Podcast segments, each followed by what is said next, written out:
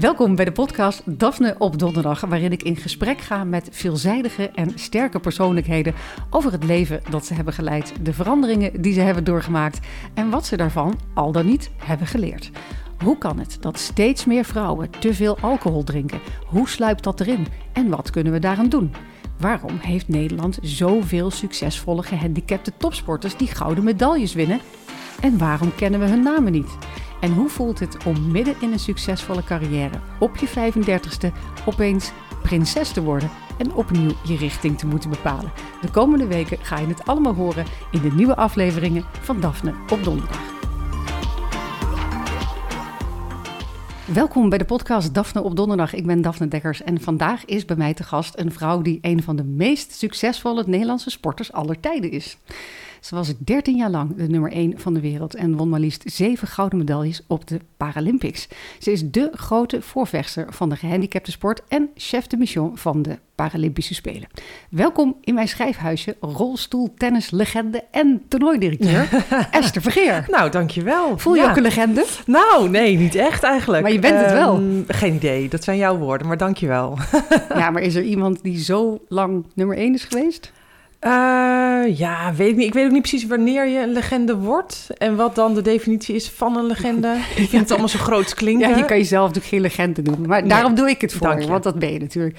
Wat eh, leuk dat je er bent. Eh, ik moet wel eerlijk zeggen, ehm, toen je kwam, toen keek ik meteen heel anders naar mijn deur. Ja, Want dan denk ik, oh, hoe, Hoe kom- gaat dat? Hoe gaat dat? Ja. Want dan zit hij natuurlijk in mijn tuinhuisje waar ik altijd mijn boeken schrijf.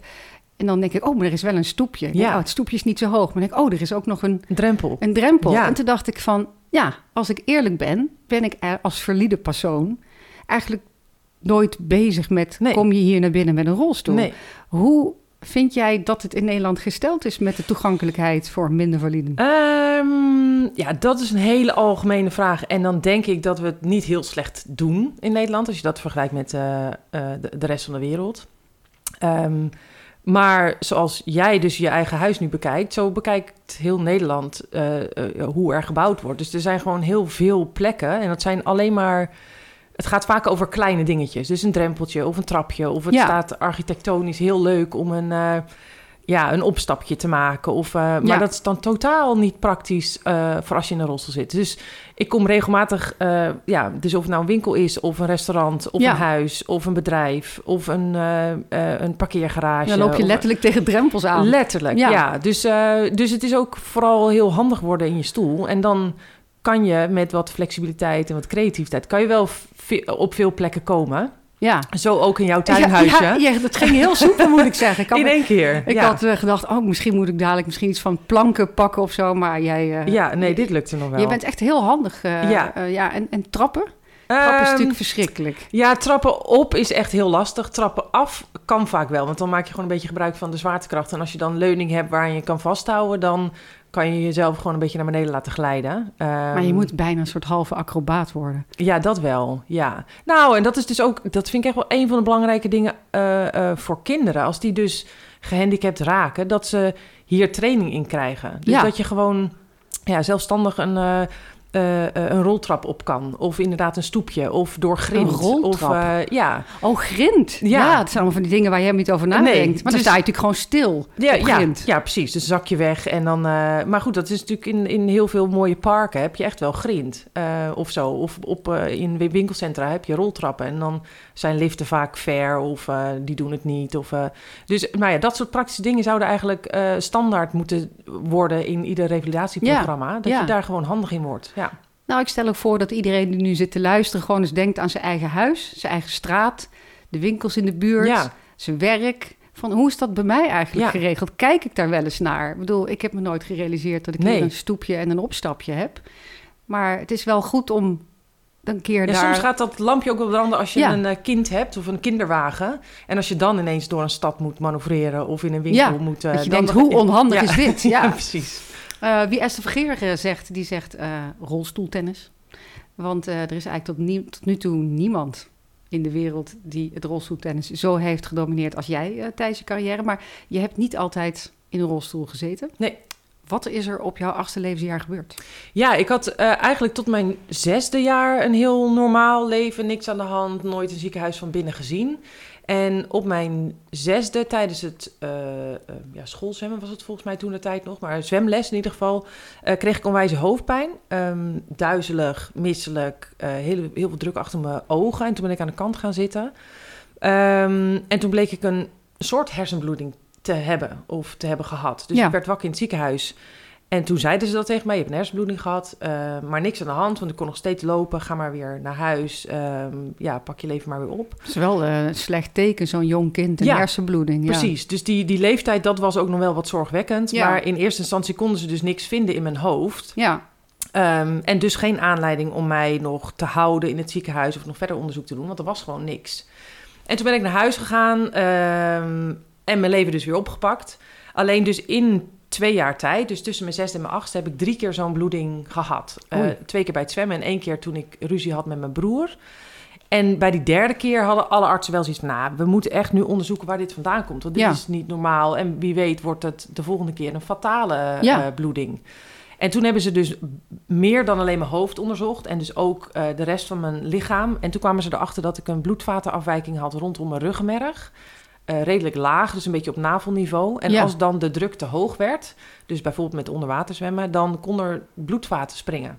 En die bloedvaten zorgden dan voor bloedingen in mijn hoofd. Dus dat zou nooit ophouden. Eh, nee, precies. Ja. Tenzij ze dus Ja. zouden verwijderen of eh, zouden verhelpen. Ehm, en eigenlijk tijdens die operatie hebben ze ook de goede bloedvaten proberen, of nou, hebben ze goede bloedvaten verwijderd en dichtgestopt met een soort van lijm. Ehm, ja, en, dat, en, en dan moet je natuurlijk denken aan 30 jaar geleden. Die medische ontwikkeling die was toen helemaal nog niet zo ver. Dit is een aandoening die niet zo vaak voorkomt.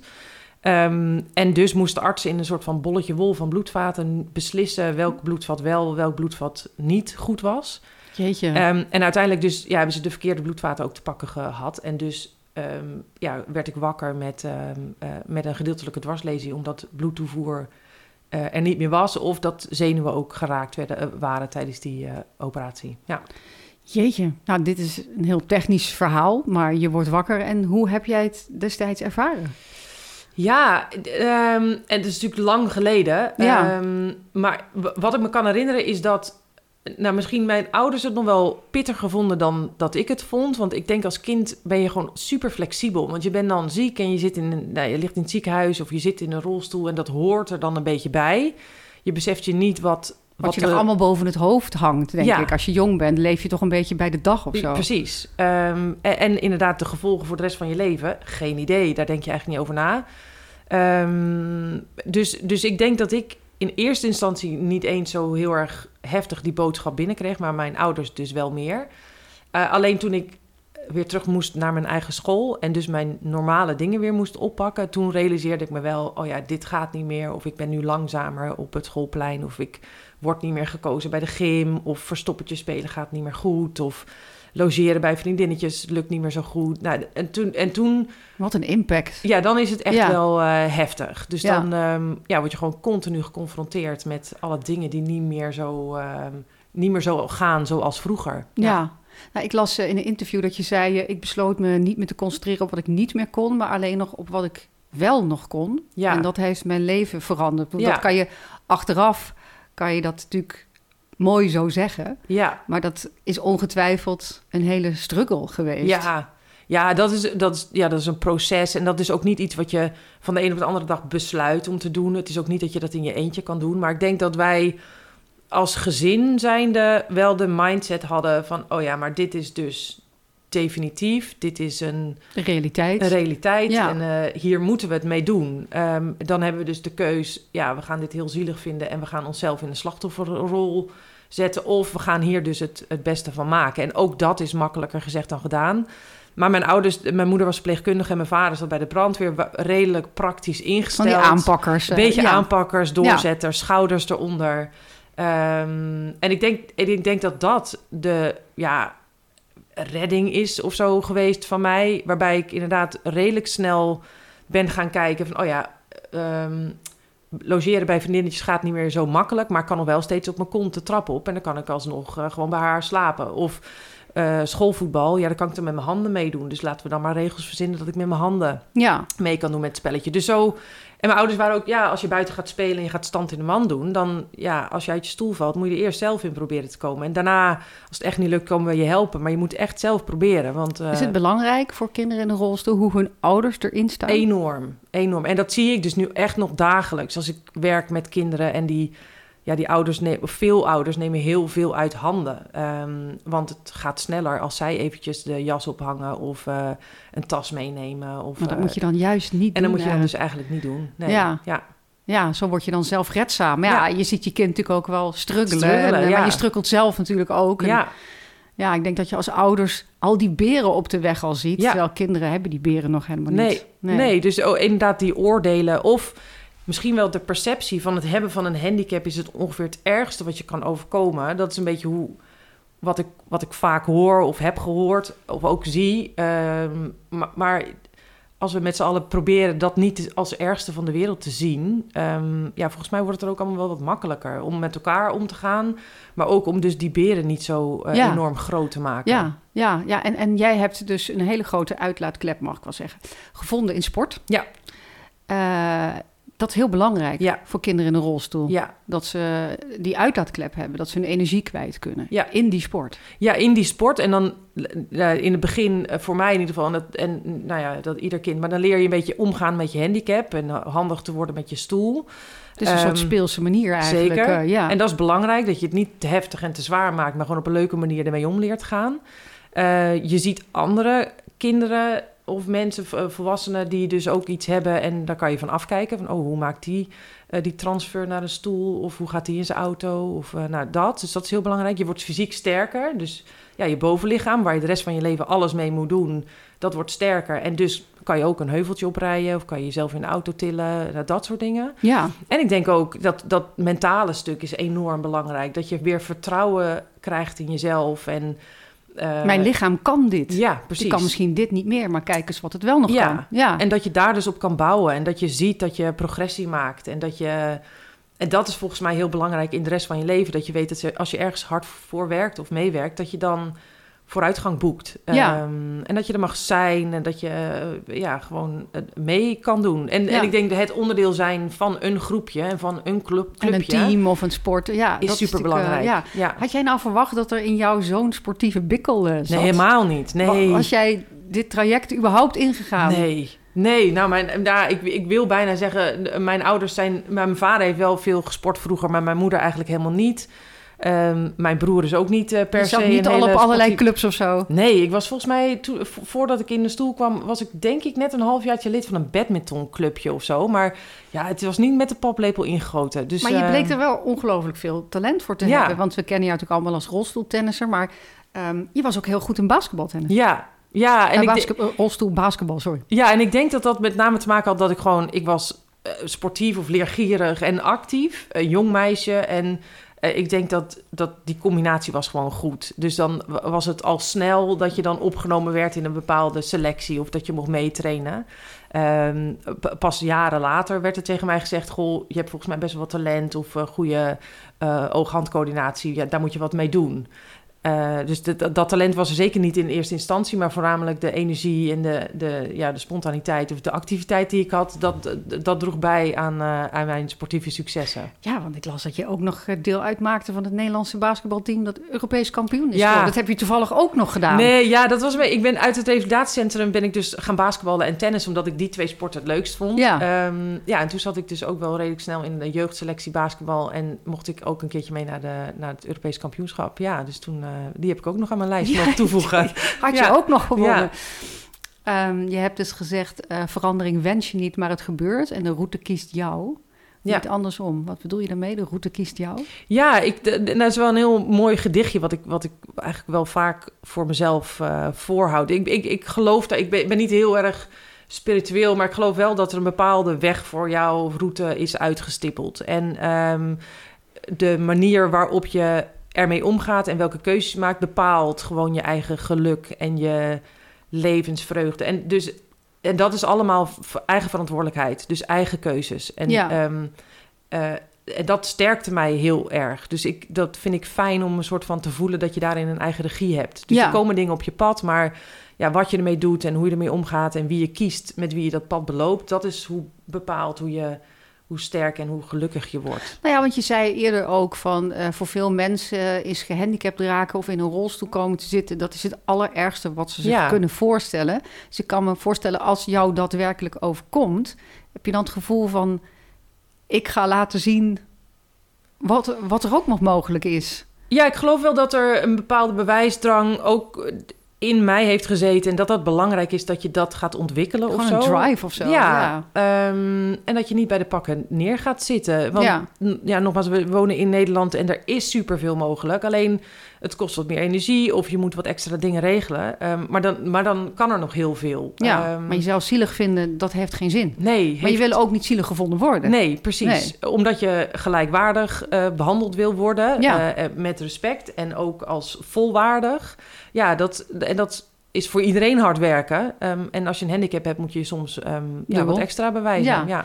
Je ging studeren management economie en recht in Utrecht. En tijdens die studie heb je toen besloten om basketbal te laten varen en vol voor het tennis te gaan. Was het tennis, had je daar het meeste talent voor? Of vond je dat uiteindelijk het leukste? Of is het een solosport? Ja, na dat meer. Dus ik vond dat echt het leukst. Ehm, Ja. Dus dat je ja, toch ook wel weer je eigen weg kon bepalen en je eigen route kon uitstippelen. Niet afhankelijk van anderen. Eh, het resultaat is volledig aan jou toe te rekenen. Ehm, Dat maakt tennis ook zo ingewikkeld. het maakt het ook heel ingewikkeld. ja, Ja, want je hebt niemand. Nee, om op Dus terug te je vallen. wint alleen en je verliest alleen. Ja, eh, en, en, en ik moet zeggen, ja, dat is natuurlijk in de loop der jaren wel zo ontwikkeld. Maar eh, dat vond ik wel, dat vind ik het mooie van tennis. Ja, en, en dus daarvoor was die keuze om tennis te gaan doen. En ook omdat ik daar nog wel wat meer uitdaging zat in, eh, zag in, ehm, in hoeverre ik mij kon ontwikkelen en, en verbeteren in die sport. Ja, want wat is er voor nodig om een goede rolstoeltennisser te worden? Mm, mm, mm, ja. Eh, Ja, tennis is natuurlijk wat dat betreft een heel tactisch, technisch. eh, Ja, eh, ik hoef jou niks te vertellen met zoveel eh tennissers in, in jouw gezin. Maar eh, een hele ingewikkelde sport. En ik denk bij rolstoeltennis is het ook zo dat je natuurlijk alles met je armen moet doen. Ja, En dus er komt nog een extra component eh, bij als het gaat om mobiliteit. Dus dat is heel goed. ingewikkeld. Wendbaar zijn in, Ja. in je stoel. Ja, en dat dus met een racket in je hand. En nou, dat maakt het allemaal best wel eh, ingewikkeld. Ik denk dat voor rolstoeltennis is het belangrijk dat je dus een krachtige eh, bovenlijf hebt. Want je moet daar ja, jezelf mee voortbewegen. Ehm, en dat tactische inzicht ehm, is heel belangrijk, omdat je heel goed moet inschatten waar de bal gaat komen. Omdat je natuurlijk niet zo snel bent als dat je op twee benen zou zijn. Ehm, Dus dat ruimtelijk inzicht en Ja. alles. Ja, heb je ook Ja. allemaal nodig. Ja, ja. En eh, heb je eigenlijk ook een speciale rolstoel daarvoor? Ja, die zijn eh, en eh, tegenwoordig heel erg doorontwikkeld. Maar je hebt zeker speciale tennisstoelen die dan en dus wendbaarder zijn en lichtgewicht en speciaal op maat gemaakt. eh, Ja. zodat, het, zodat je er één mee wordt, zeg maar. Maar toen je begon met rolstoeltennis, wat, wat, wat was jouw grote droom? Had je een doel? Mm, Legende worden. Zo is het uitgepakt. Maar Ja. het begon vast met een, met, een, met een droom. Ja, en ik denk in eerste instantie nog niet eens een droom. Want pa- Paralympische Spelen of wereldranglijst... het was helemaal niet bekend dat dat überhaupt kon. Dat het bestond. dat het bestond, geen idee. Ehm, toen der tijd, en ja, we spreken ondertussen echt wel van 25 jaar geleden, maar Paralympische Spelen werd meer als een samenvatting tijdens eh, Vinger aan de Pols, eh, dat programma, werd dat eh, getoond. Oh, en niet als sport en niet als topsportevenement of zo. Dus dat was helemaal niet dat ik daarvoor voor wilde werken. De- Ja, helden, voorbeelden, boegbeelden, die waren er niet. Die zag je in ieder geval niet op televisie. Of, ho- hoeveel rolstoeltennissers zijn er eigenlijk?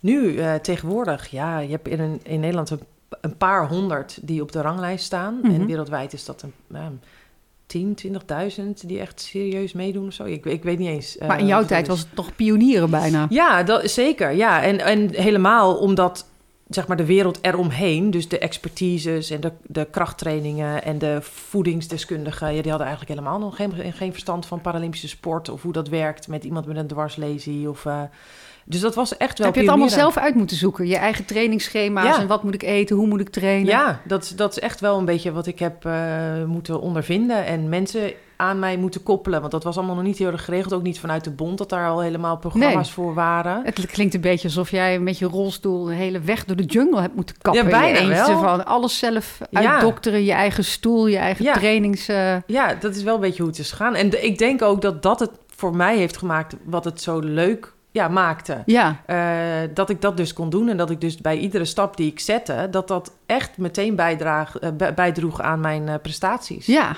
Ik las dat je ehm, heel veel toernooien jaar in jaar uit alleen hebt afgereisd.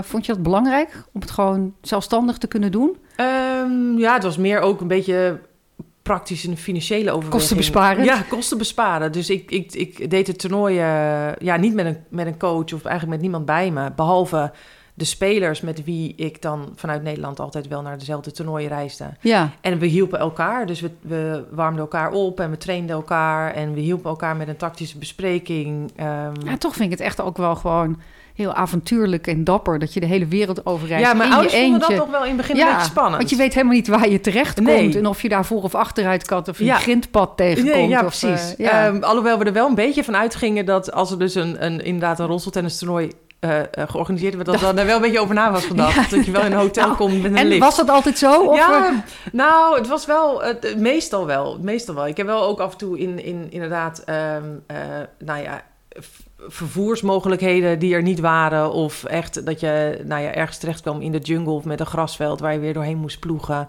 Ehm, dus er zijn wel wat uitdagingen geweest. Maar ook Ja. dat, ja, dat, ik, de- dat is wel eens nu wat ik in lezingen gebruik of zo. Heel vaak gaan we discomfort uit de weg of zo. ja. En ik denk juist door in sommige oncomfortabele situaties terecht te komen, dat je enorm groeit als persoon. Dus als ik daar nu op terugkijk, denk ik, ja, ik heb me er wel doorheen geworsteld. Je verzint ook weer nieuwe oplossingen. dat. Ja. En ehm, eh, vroeger hadden we natuurlijk nog geen mobiele telefoon. Dus dan schreef ik weer een fax aan mijn ouders dat ik op een toernooi zat. En dan weer een beetje van die eh, ja, avonturen die we beleefd hadden. En Ja. dat was ook wel echt, was ook wel echt mooi. Ja. Ik heb ook in mijn leven gemerkt dat heel veel shit dingen die er zijn gebeurd, achteraf wordt het best wel een grappig verhaal. Ja. Van nou, toen waren we daar en Ja. en op het moment zelf denk je, oh nee, wat nou weer? Ja. Maar als je er dan op terugkijkt, denk je, nou, dat was eigenlijk wel geestig dat we helemaal stuk zaten daar of Ja. daar of weet je, ja. En hoe je het dan dus En opgelost hoe je het dan hebt. opgelost hebt, ja. Ja. Je hebt in eh, 2013, ehm, nadat je was gestopt eh, als professioneel rolstoeltennis, heb je biografie gepubliceerd. Ja.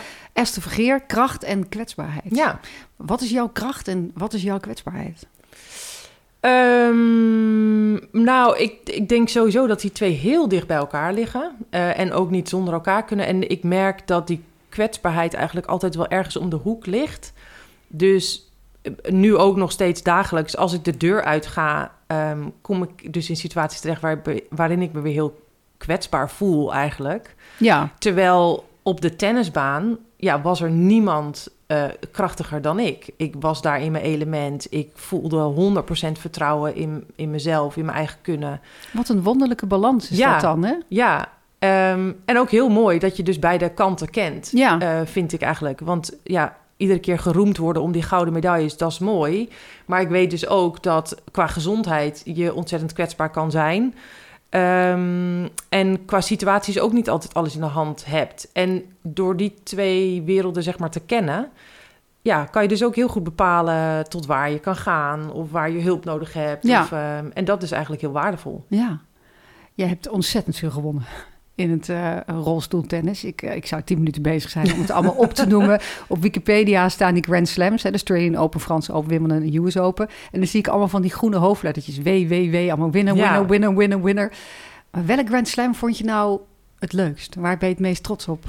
Ehm, nou, qua overwinning zou ik het eigenlijk niet eens echt specifiek kunnen noemen. Maar ik vond de US Open altijd een hele speciale beleving. Omdat daar de integratie van eh rolstoeltennis wel echt op een ander niveau werd benaderd dan op alle andere Grand Slams. Daar voelde je helemaal één met Ja. het valide toernooi. Ja, en daar werd ook inderdaad in de um, announcements, weet je wel, op de baan en qua publiek die langs de kant stond, had je wel echt het gevoel dat je dan onderdeel was van het toernooi. Ja, Terwijl bij de andere Grand Slams dat niet altijd zo goed werd doorgevoerd. Dus dan was het altijd eh, dat je op, eh, weet ik veel, banen 23 mocht spelen.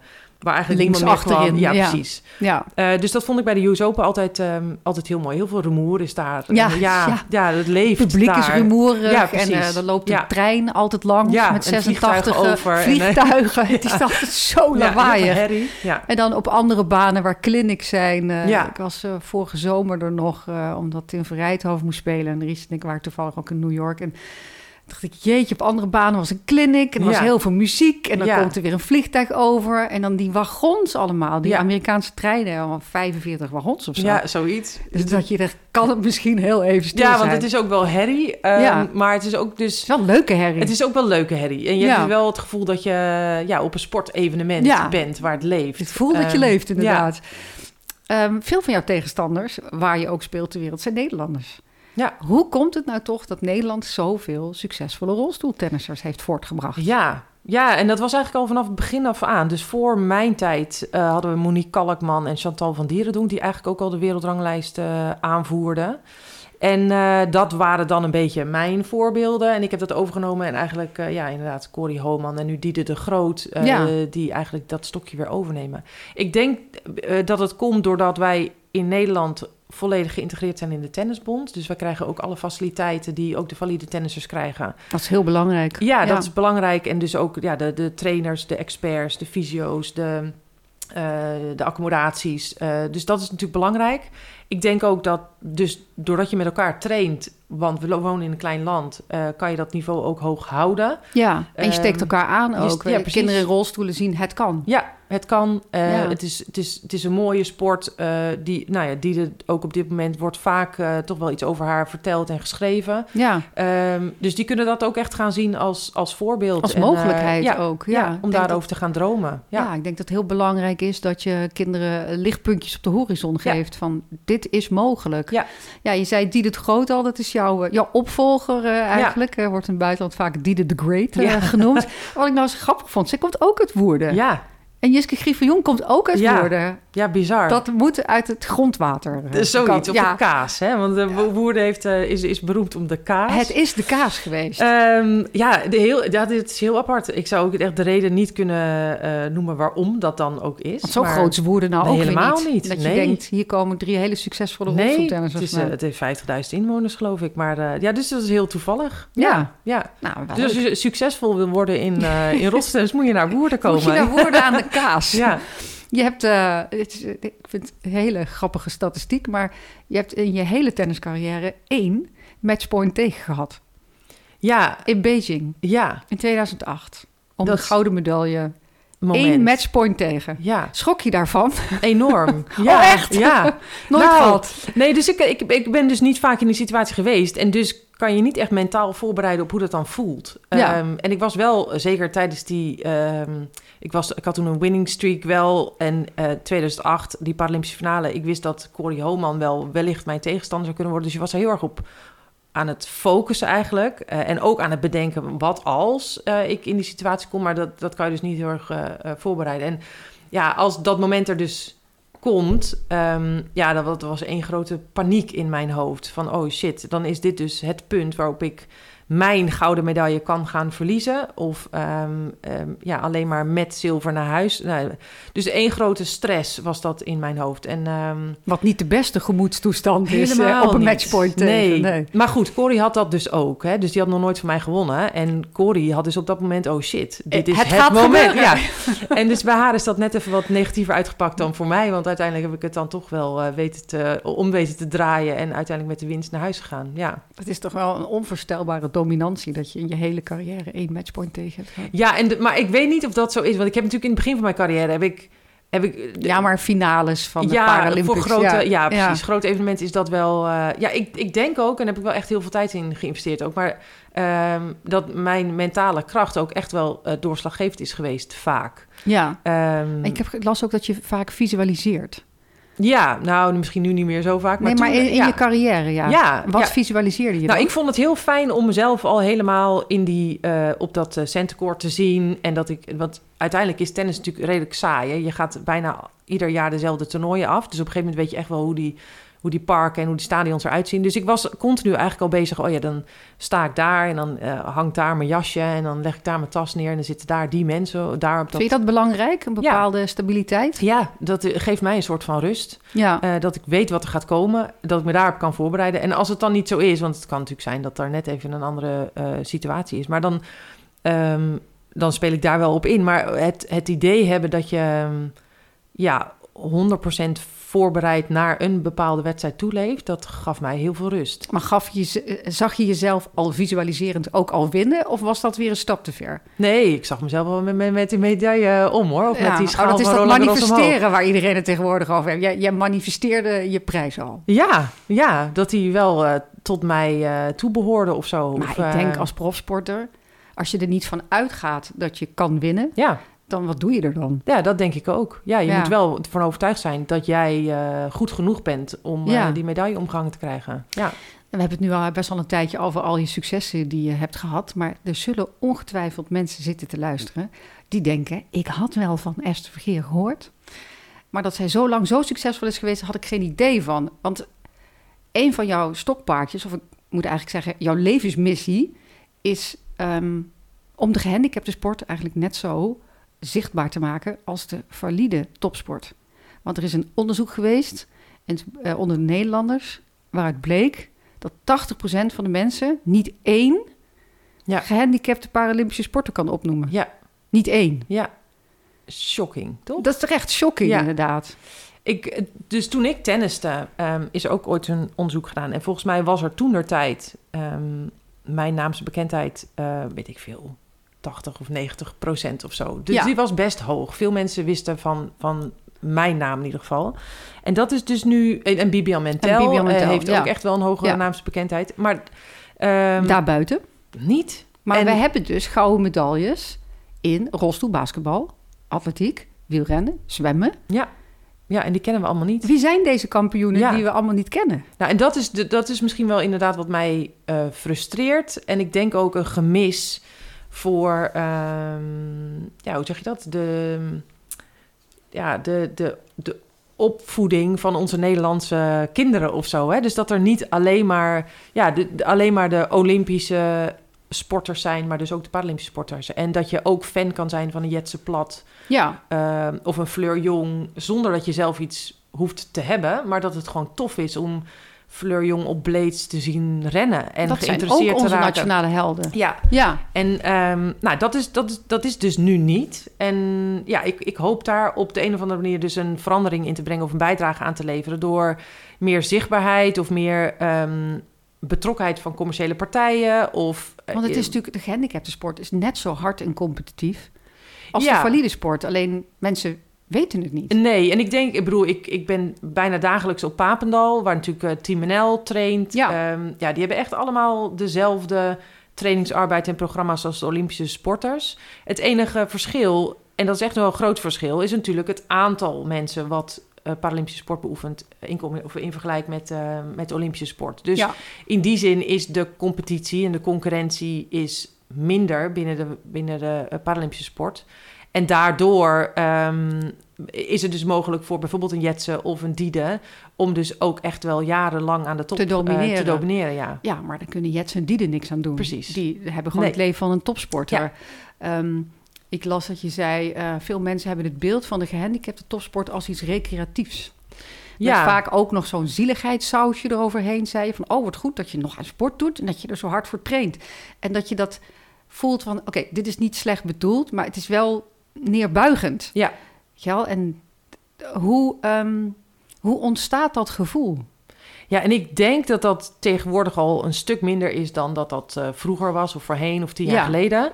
Ehm, maar ik denk dus doordat het beeld nog steeds wel ont- bestaat dat het hebben van een handicap vervelend en zielig en eh, naar is. En als je dan dus wel het maximale uit jezelf haalt door middel van sport, dat dat dan iets fijns is voor jou, dat dat kan. Wat leuk voor je. Wat Ja. leuk voor je. Ehm, dus ik denk dat dat nog steeds bestaat. En ik denk dat men geen idee heeft wat een trainingsweek inhoudt voor een Paralympische sporter. Dat zouden En we eigenlijk veel meer moeten laten zien Ja. ook. Dat we die sterren, we kennen alle voetballers en Ja, we kennen alle schaatsers. En Ja. het begint natuurlijk ook met weten wie het zijn. Precies. En hoe ze trainen. Ja, laten zien wat dat allemaal inhoudt en uh, wat zij doen wat betreft innovaties aan hun stoelen of blades. Um, en ook uh, ja, gewoon het regime eigenlijk waar zij in zitten. Het strakke trainingsschema, voedingsschema's, uh, het, ja, de wedstrijden die zij hebben, het mentale aspect. Ja, dat is natuurlijk net zo interessant als bij Olympische sporters. Ja. Um, en dus ik, ik, ja, ik zou graag willen, en we werken nu een beetje toe naar de, naar de Paralympische Spelen en de Olympische Spelen in Parijs volgend jaar.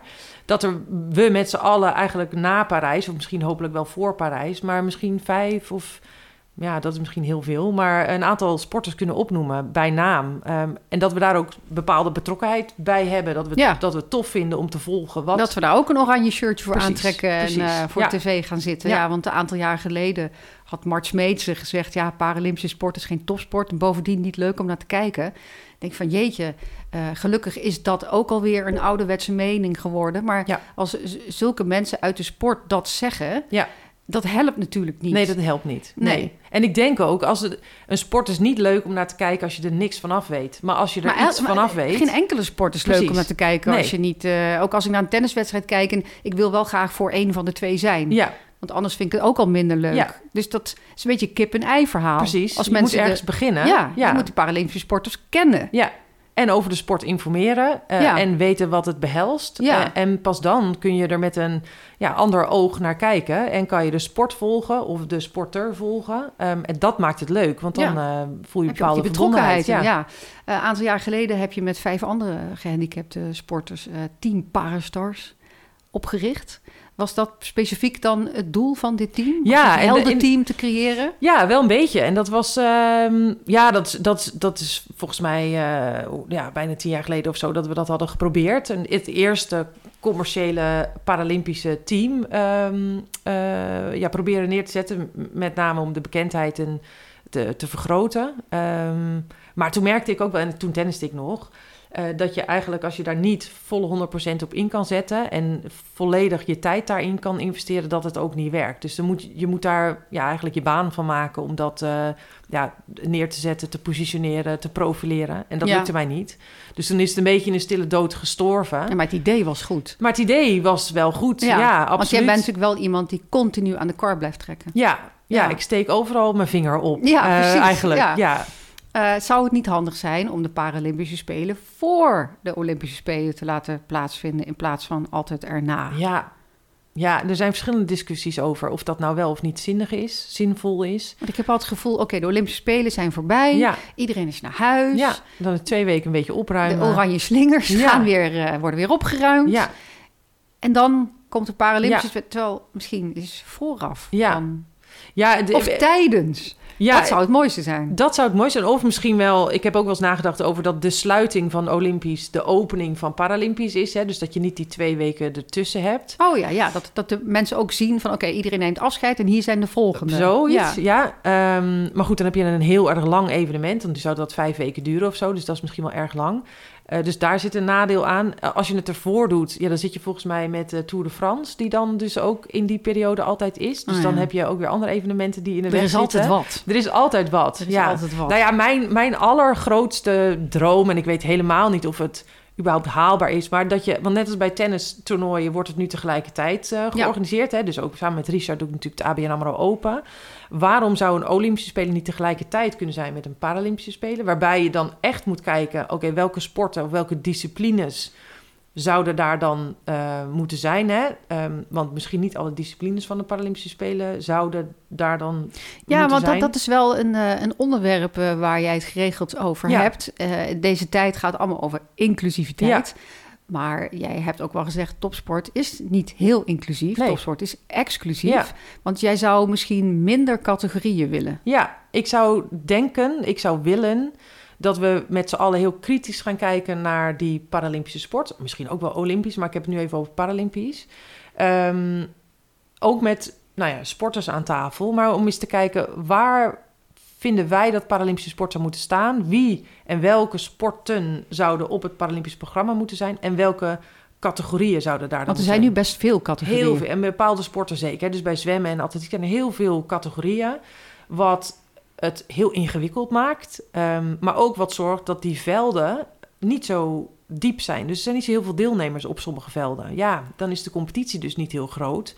Wat is dan de waarde om eh, die op een Paralympische ehm, Spelen te hebben? Dus als we Maar daar... dat is wel een moeilijke discussie. enorm. Want dan moet je tegen mensen met een bepaald handicap zeggen: sorry, Ja, van jullie zijn er niet genoeg ja, voor een competitief veld. ja, dus of je moet dan meedoen met een andere categorie... Ja. wat het misschien dus oneerlijker maakt... Ehm, of als je een bepaalde zware handicap hebt... is misschien een bepaalde sport niet geschikt voor jou... ehm, maar een, eh, ja, een, eh, een quad rugby team. Dus als je, eh, nou ja, dat we die wel ehm, hebben op een Paralympische Spelen. Dus ik zeg niet dat er bepaalde handicaps niet op een Paralympische Spelen moeten staan. Want ik denk dat er voor iedere handicap wel een plek zou moeten zijn bij een bepaalde sport.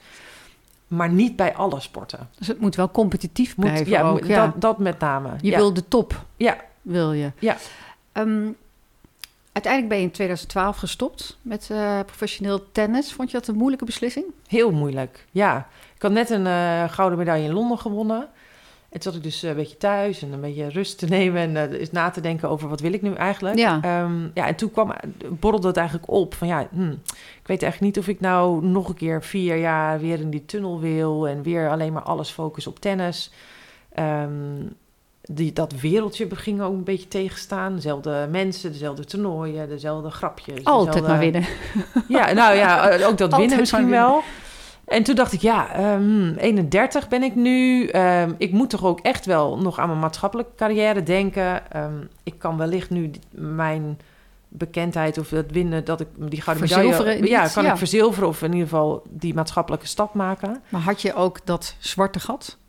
Nou, ik weet dus niet precies wat een zwarte gat is. Ik heb, ik heb nooit eh, eh, met verveling op de bank gezeten en niet wetende wat ik moest doen. Nou, Richard heeft het wel een tijdje gehad toen hij stopte met tennissen. Dan, ik weet niet of dat nou het zwarte gat was, maar meer dat gevoel van...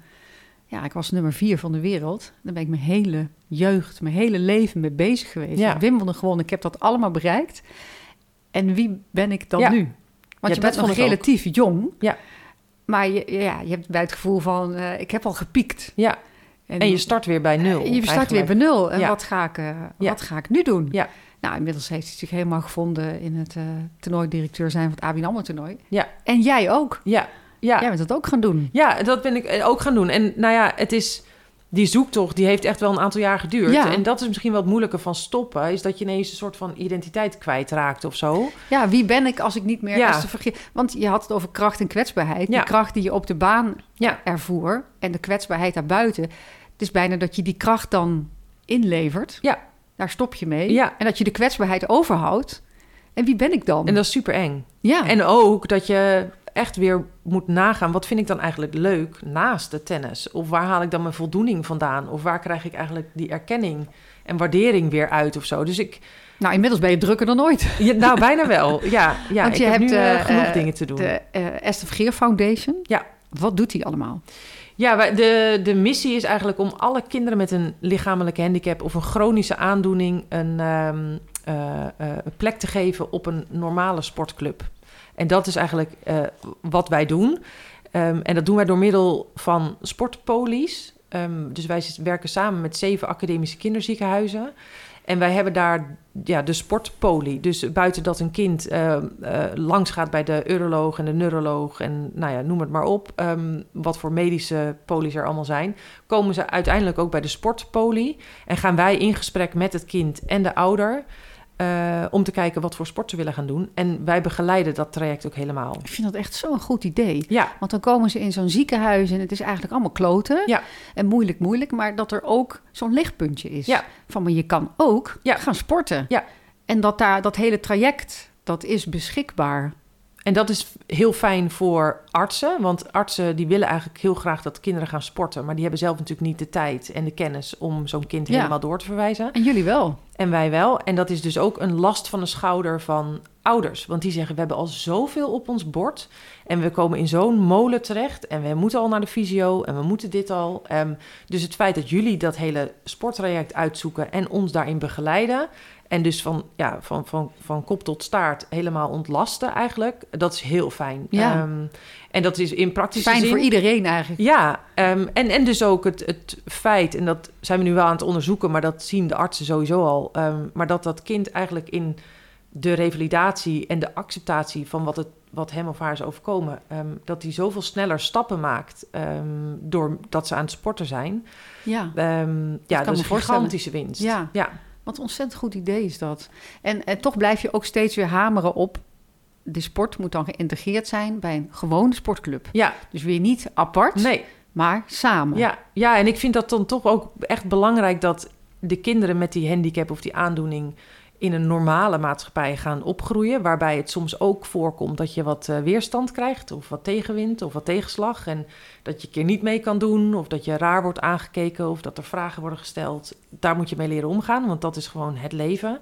En tegelijkertijd denk ik dat het belangrijk is dat gezonde kinderen eh, of volwassenen op zo'n sportclub ook zien. Oh ja. Nou, het is eigenlijk best normaal dat hier ook eh, kinderen met een Ja. handicap atletiek doen. De rollen doen eh, ook mee, ja. Of de rolstoeltennissers zijn Ja. hier gewoon onderdeel. En Ja. die moeten ook gewoon meedoen met corvée en de bardienst. En eh, ja, want Gewoon dat, de normalisering daarvan. ja. ja. Heel goed idee. Als toernooidirecteur ehm, van het ABN AMRO rolstoeltennis toernooi... heb je wel een aantal opmerkelijke dingen gepresteerd. Een toernooi dat tegelijkertijd is met de valide tennissers... En uh, sinds dit jaar ook de toevoeging van de vrouwelijke ja. rolstoeltennissers. Ja. Terwijl het natuurlijk een mannentoernooi is. Ja, zeker. Dus het is eigenlijk wel bijzonder dat je die vrouwen erbij Ja. hebt gekregen. Ja. Daar heb je je jaren hard voor gemaakt. Nou, het was in eerste instantie eigenlijk een soort van beslissing die we met z'n allen hadden genomen dat we die vrouwen niet zouden toevoegen, omdat het een ATP-toernooi is en een mannentoernooi, dus laten we dat niet doen.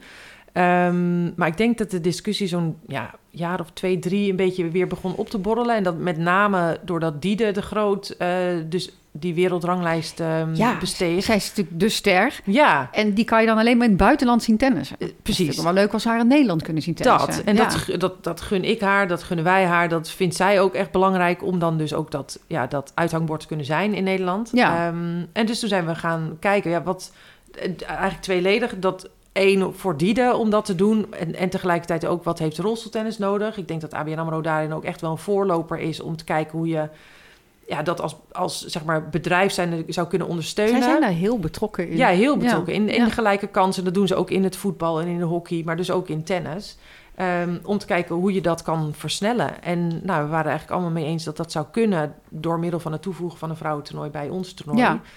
Um, dus zijn we het gewoon gaan doen. En dat vind ik ook wel het stoere. We gaan het gewoon uitproberen. Ja. En werkt het, werkt het. Uh, maar werkt het niet, Let's dan go, is het... wel. ja, Laat het gewoon doen. Precies. En zijn je dan ook in gesprek met de WTA, met de Vrouwentour... Ja. om dat ook op de Vrouwentour mee te integreren? Ja, en dat is eigenlijk iets waar ik nu mee um, met de ITF en met de WTA aan het praten ben... om te kijken of dat ook mogelijk is.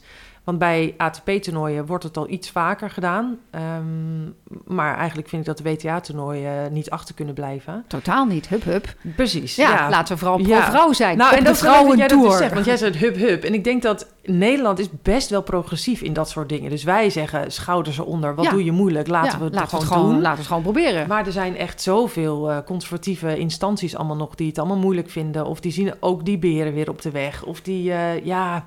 Dus er wordt heel veel moeilijk gedaan in ja, wereld. het gekke vind ik als jullie, als gehandicapte sporters...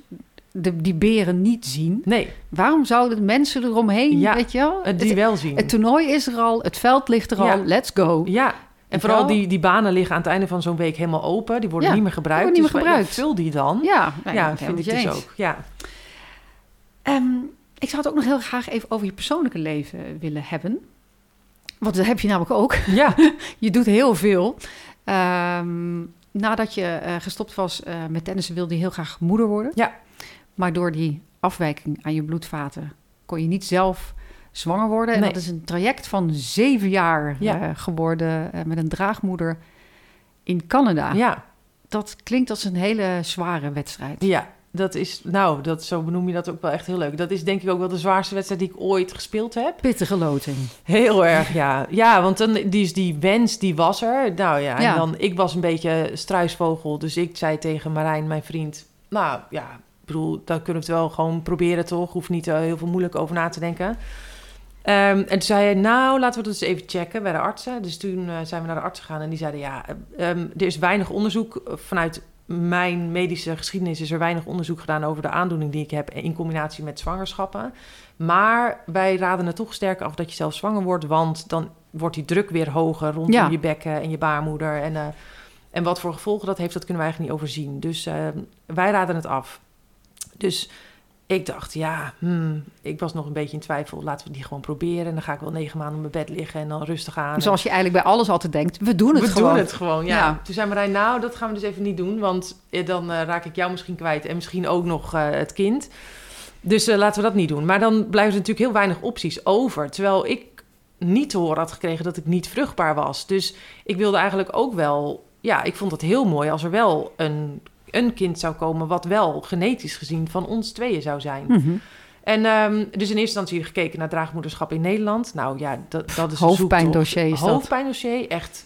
Wat dat betreft zijn we weer heel erg... eh, Daar liggen we misschien weer een beetje echt, achter. hè? Ja, het is echt niet normaal hoe... ehm, In Amerika is het dan allemaal heel commercieel. Ja, ja. Dat is misschien ook weer niet dat je nee, denkt, ja, dat, ja, dat geld, dat heb ik niet op de plank liggen. Dus dat was ook oh, dat is zo optie. duur. Ja, Ja. oh.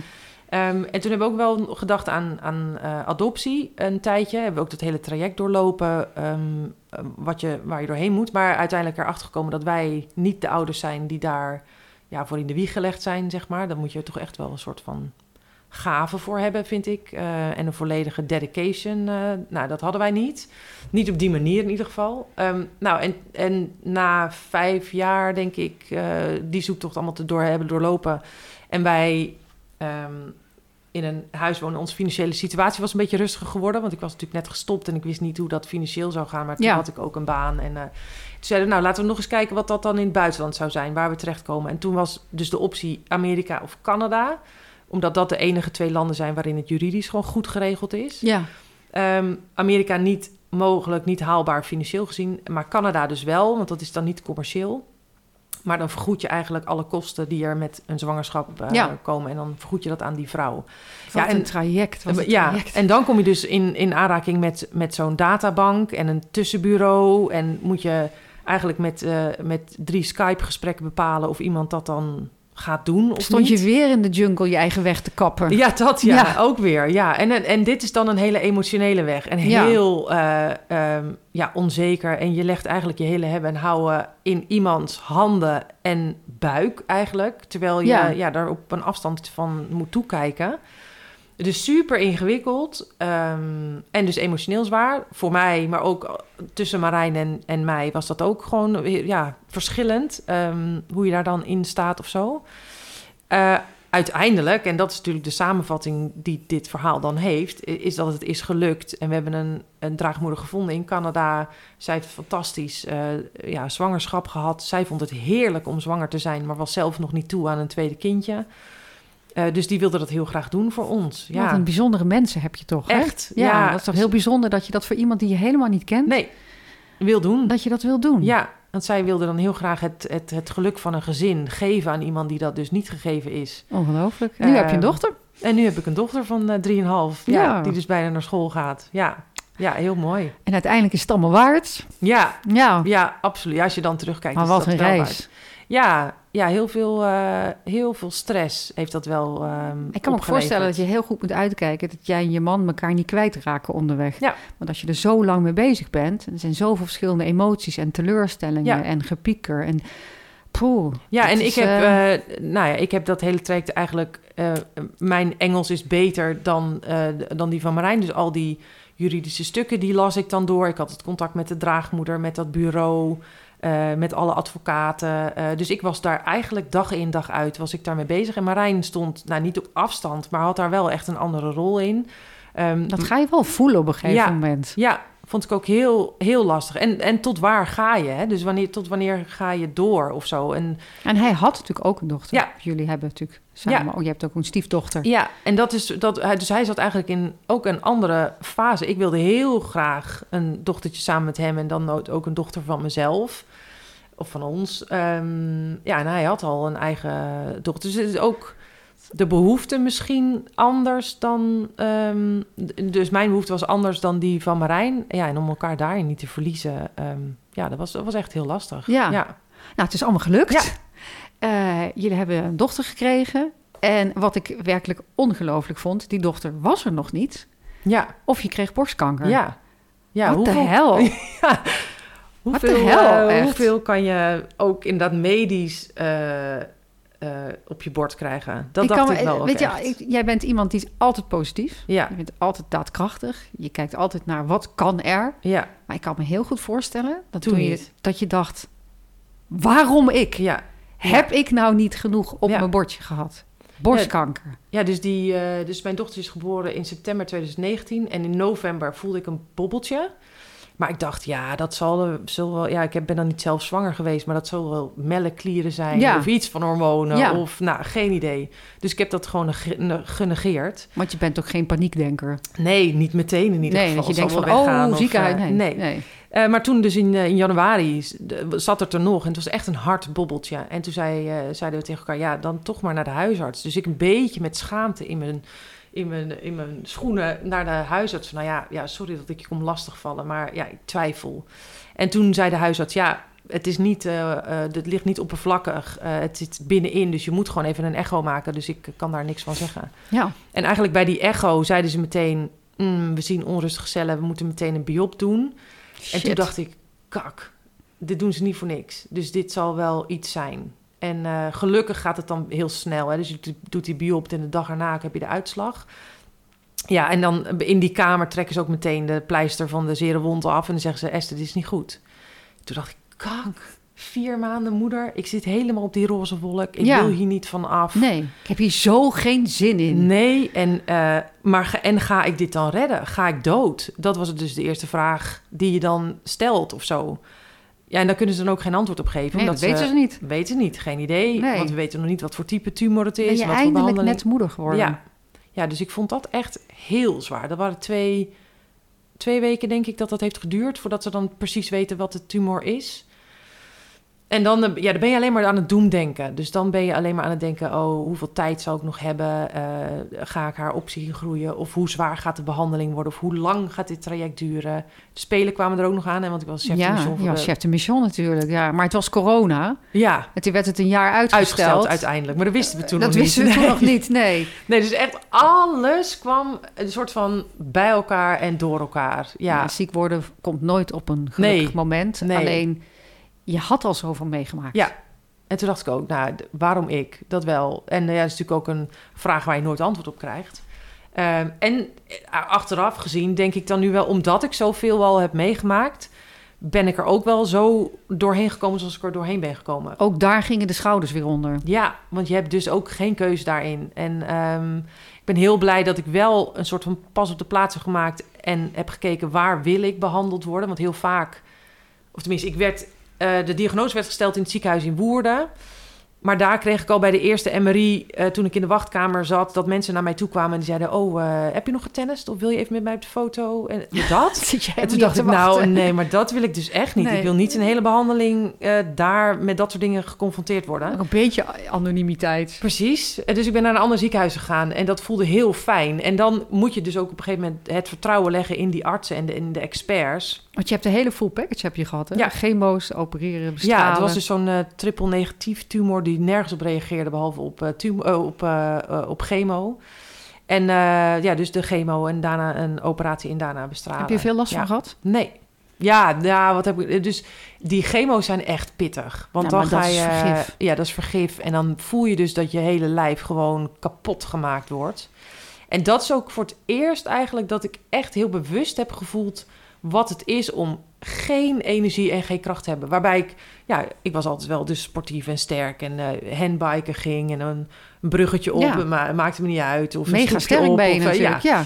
Eh, maar dat, het is toen voor het eerst ge- geconfronteerd met het feit dat je dus gewoon geen bruggetje omhoog eh, komt. En dat je daar dus hulp bij nodig hebt. En in een eh, rolstoel is dat natuurlijk dubbelop. Ja, dan is daar moet je fit op. en sterk voor zijn, ja. En nou, ik had ook nog dus een dochtertje, die wilde ik graag in de kinderwagen voor me, voor me uitduwen. En dus ook een wandeling kunnen maken met mijn dochtertje. Maar dat ging gewoon allemaal niet meer. En dat vond ik nog wel het meest moeilijke of zo. Dat je dan dus je letterlijk zwak voelt. Eh, maar je geeft ook een beetje de regie uit handen. Ja. Hè? Terwijl jij volgens mij wel heel graag de regisseur van je eigen ja, leven bent. Ja, en dat kan dus gewoon allemaal niet. Nee, En je kon denk ik ook niet echt voor je dochtertje zorgen. Nee, nee, oh, dat vond ik echt moeilijk. Want dan, ze was natuurlijk super klein, dus dan moet je ook nog s'nachts eruit en voeden. En bij ieder huiltje moet je natuurlijk even checken wat er aan de hand is. Of, eh, maar ik had er gewoon geen energie voor. Ik, had, ik kon het gewoon niet. Maar wat een draaikolk van een tijd is dat. Dat je Ja. denkt, waarom moet dit nu gebeuren? Ga ik dood? Ik heb net een dochter. Ja, Ik wil naar, nog naar de Spelen. ja. Nou, en, corona, waar eigenlijk toen de tijd, toen begon het natuurlijk, maar iedereen een beetje bang voor was. Dus ook niemand wist wat corona, nou ja, wat gaat het Ja. dan betekenen? Gaan we je wilde geen corona aan? krijgen nog eroverheen. Nee, want ik had natuurlijk geen weerstand. Ik had helemaal niks. Dus niemand mocht bij mij in de buurt komen. Dus ik voelde ook nog een soort... de- Ik moest het helemaal alleen doen, want naar de chemotherapie mocht ook niemand mee. Dus ik moest alles soort van in mijn eentje doen. Ook thuis mocht ik niemand ontvangen, want... Wat zal je eenzaam Ja. hebben gevoeld? Nou, ik kijk nu wel eens terug en denk... oh ja, mijn vriendinnen hebben me nooit met een kale, kale kop gezien. Omdat die er niet bij mochten. Die mochten gewoon niet bij mij zijn. Dus die hebben mij nooit... Ja, met heel kort haar, toen de chemo's klaar waren... en Ja. het allemaal weer een beetje rustiger werd... toen heb ik ze gezien, maar tijdens die periode helemaal niet. Dus ik, ja, ik heb me wel echt... eh, Dat, dat was heel eenzaam. Ja, Ik kan me wel voorstellen dat je op je topsportmentaliteit hebt moeten leunen. Ja. Want het klinkt als een hele heftige, zware periode. Ja, dus dat was inderdaad de enige manier voor mij om een beetje houvast te hebben. Dus die, die chemo's die gingen gewoon in een afstreepschemaatje.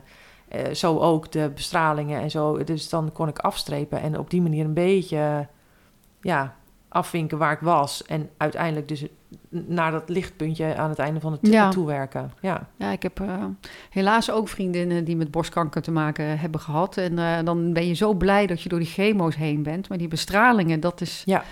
ook geen feest. Nee, nee. Dus dat, eh, maar je bent genezen. Ja, Ja. Ja. het gaat goed. Ja, dus ik ben nu ieder half jaar. Dus omdat ik zo'n agressieve tumor had en best wel jong was, word ik nu tot mijn zestigste ieder half jaar gecontroleerd. En ja, tot nu toe gaat het goed. En ik, ik Kijk je ook- daar tegenop of heb je zoiets van, ja, Nou, ik ben er er niet eigenlijk dagelijks niet echt mee bezig. Maar als je dan toch in je auto stapt en je gaat naar het ziekenhuis en je ruikt de chemo en de schoonmaakmiddelen weer. Ja, en dat je denkt, het is de typische oh, geur van het oh, ziekenhuis, hè? Dat is echt, ja, en, en detteldoekjes en ja, die kan ik dus ook niet meer ruiken. Dat is wel een soort van trauma in je hoofd of zo. En dan slaat wel een beetje de angst toe van, oh, het zal toch niet? En tegelijkertijd praat ik me dat zelf ook wel een beetje aan, zodat ik denk dat het wel terugkomt.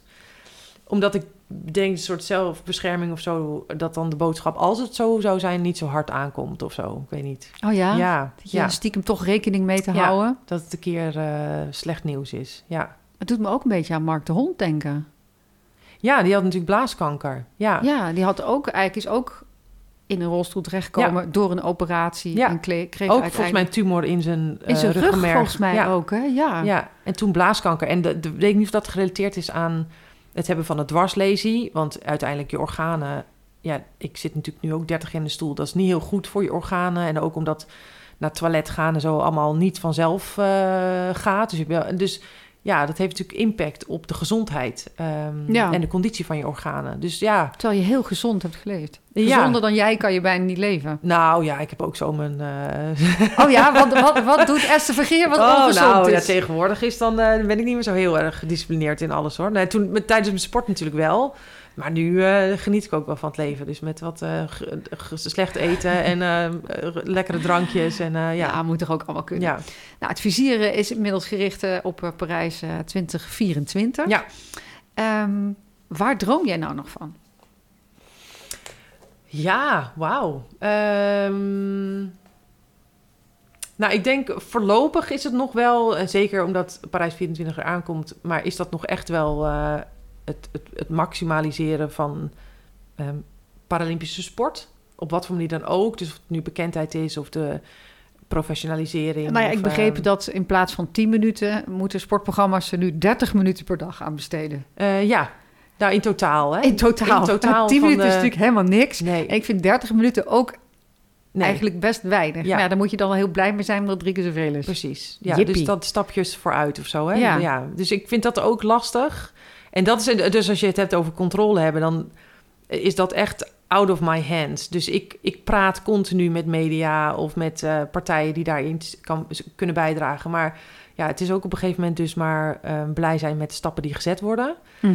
Ehm, en daarnaast gewoon ook de, de praktische invulling. Dus ik moet zorgen dat die faciliteiten en voorzieningen in Parijs gewoon goed zijn. Eh, Dus Ja. we zijn continu in gesprek. Dus, de- dus dat is wat ik, wat ik wil en waar ik van droom. Dat, nou, dat is wel leuk, want Parijs hopelijk wordt een normale versie van een spelen. Dus ook dat daar fans en, en familie en vrienden naartoe kunnen gaan. Dat hebben ze natuurlijk in Tokio en Beijing helemaal niet gehad. Nee. Dus ik hoop dat het kale die- boel is het dan. Oh, hè? er was echt helemaal niks aan. Ja, nee, dus in die lege stadions. Ja, Het gaat echt helemaal nergens over. nee, dus ik hoop, eh, dat gun ik die sporters dus ook, dat ze dat in volle beleving een keertje mee mogen maken. Ja. Ehm, want dat maakt zo'n spelen natuurlijk ook bijzonder. Ja, Ehm, en waar ik in de toekomst van... ik- da- ik- daarna... Ja, ik moet zeggen dat ik eigenlijk nog niet een heel erg eh, plaatje heb van wat daarna. Ehm, ik hoop dat we met de stichting dus echt wel nog meer van die polies... en, en in Ja. heel Nederland dat kunnen uitbreiden. wat ik wel grappig vind is dat jij een keer gezegd hebt... eh, mijn doel is om die stichting op te heffen. Want dat zegt Richard namelijk ook altijd. Richard heeft dan de Krajcik Foundation. En die zegt, nou, mijn doel is dat de Krajcik Foundation niet meer nodig Ja. is. En ik denk dat dat dus ook het doel is van de Esther Vergeer Foundation. Absoluut. Dat, dat doel komt voorlopig nog niet in zicht. Maar hoe fijn zou het zijn? Ja, ja dat het een vanzelfsprekendheid dat het een wordt. vanzelfsprekendheid Ja. is. Ja. Ja, en volgens mij, en het is goed om dat te zeggen, dat je dan wil opheffen. En, en aan de andere kant denk ik, ja, de manieren en, en de betekenis wat wij hebben voor een gezin, of de, de- hoe, wij een leven kunnen veranderen, is ook echt nog te waardevol of zo. Dus, dus ehm, nee, ik, ik ben er niet heel erg mee bezig om het op te heffen. En ik denk ook dat het nog te veel eh, voldoening geeft aan nee, ons dat allemaal kan die er voorlopig werken. nog lang niet. Nee, Nee, maar de nee. instelling is eh, Ja. Van hopelijk zijn we niet meer nodig. Ja. En wat tot slot zou jij tegen de achtjarige Esther Vergeer willen zeggen? Ehm, ja, jeetje, wat zou ik willen zeggen? Ja, toch echt wel ki- kijk naar alle mogelijkheden die er voor je liggen. En zorg ervoor dat je je omringt met mensen die dat ondersteunen. En dan kan je de hele wereld aan. Voor alles is een oplossing. Absoluut. Dankjewel. Dankjewel. Je luisterde naar Daphne op donderdag in gesprek met Esther Vergeer. Wil je meer weten over de sportpolie die kinderen en jongeren met een lichamelijke beperking een kans geven om gewoon te sporten op een gewone vereniging? Kijk dan op de website www.esthervergeerfoundation.nl.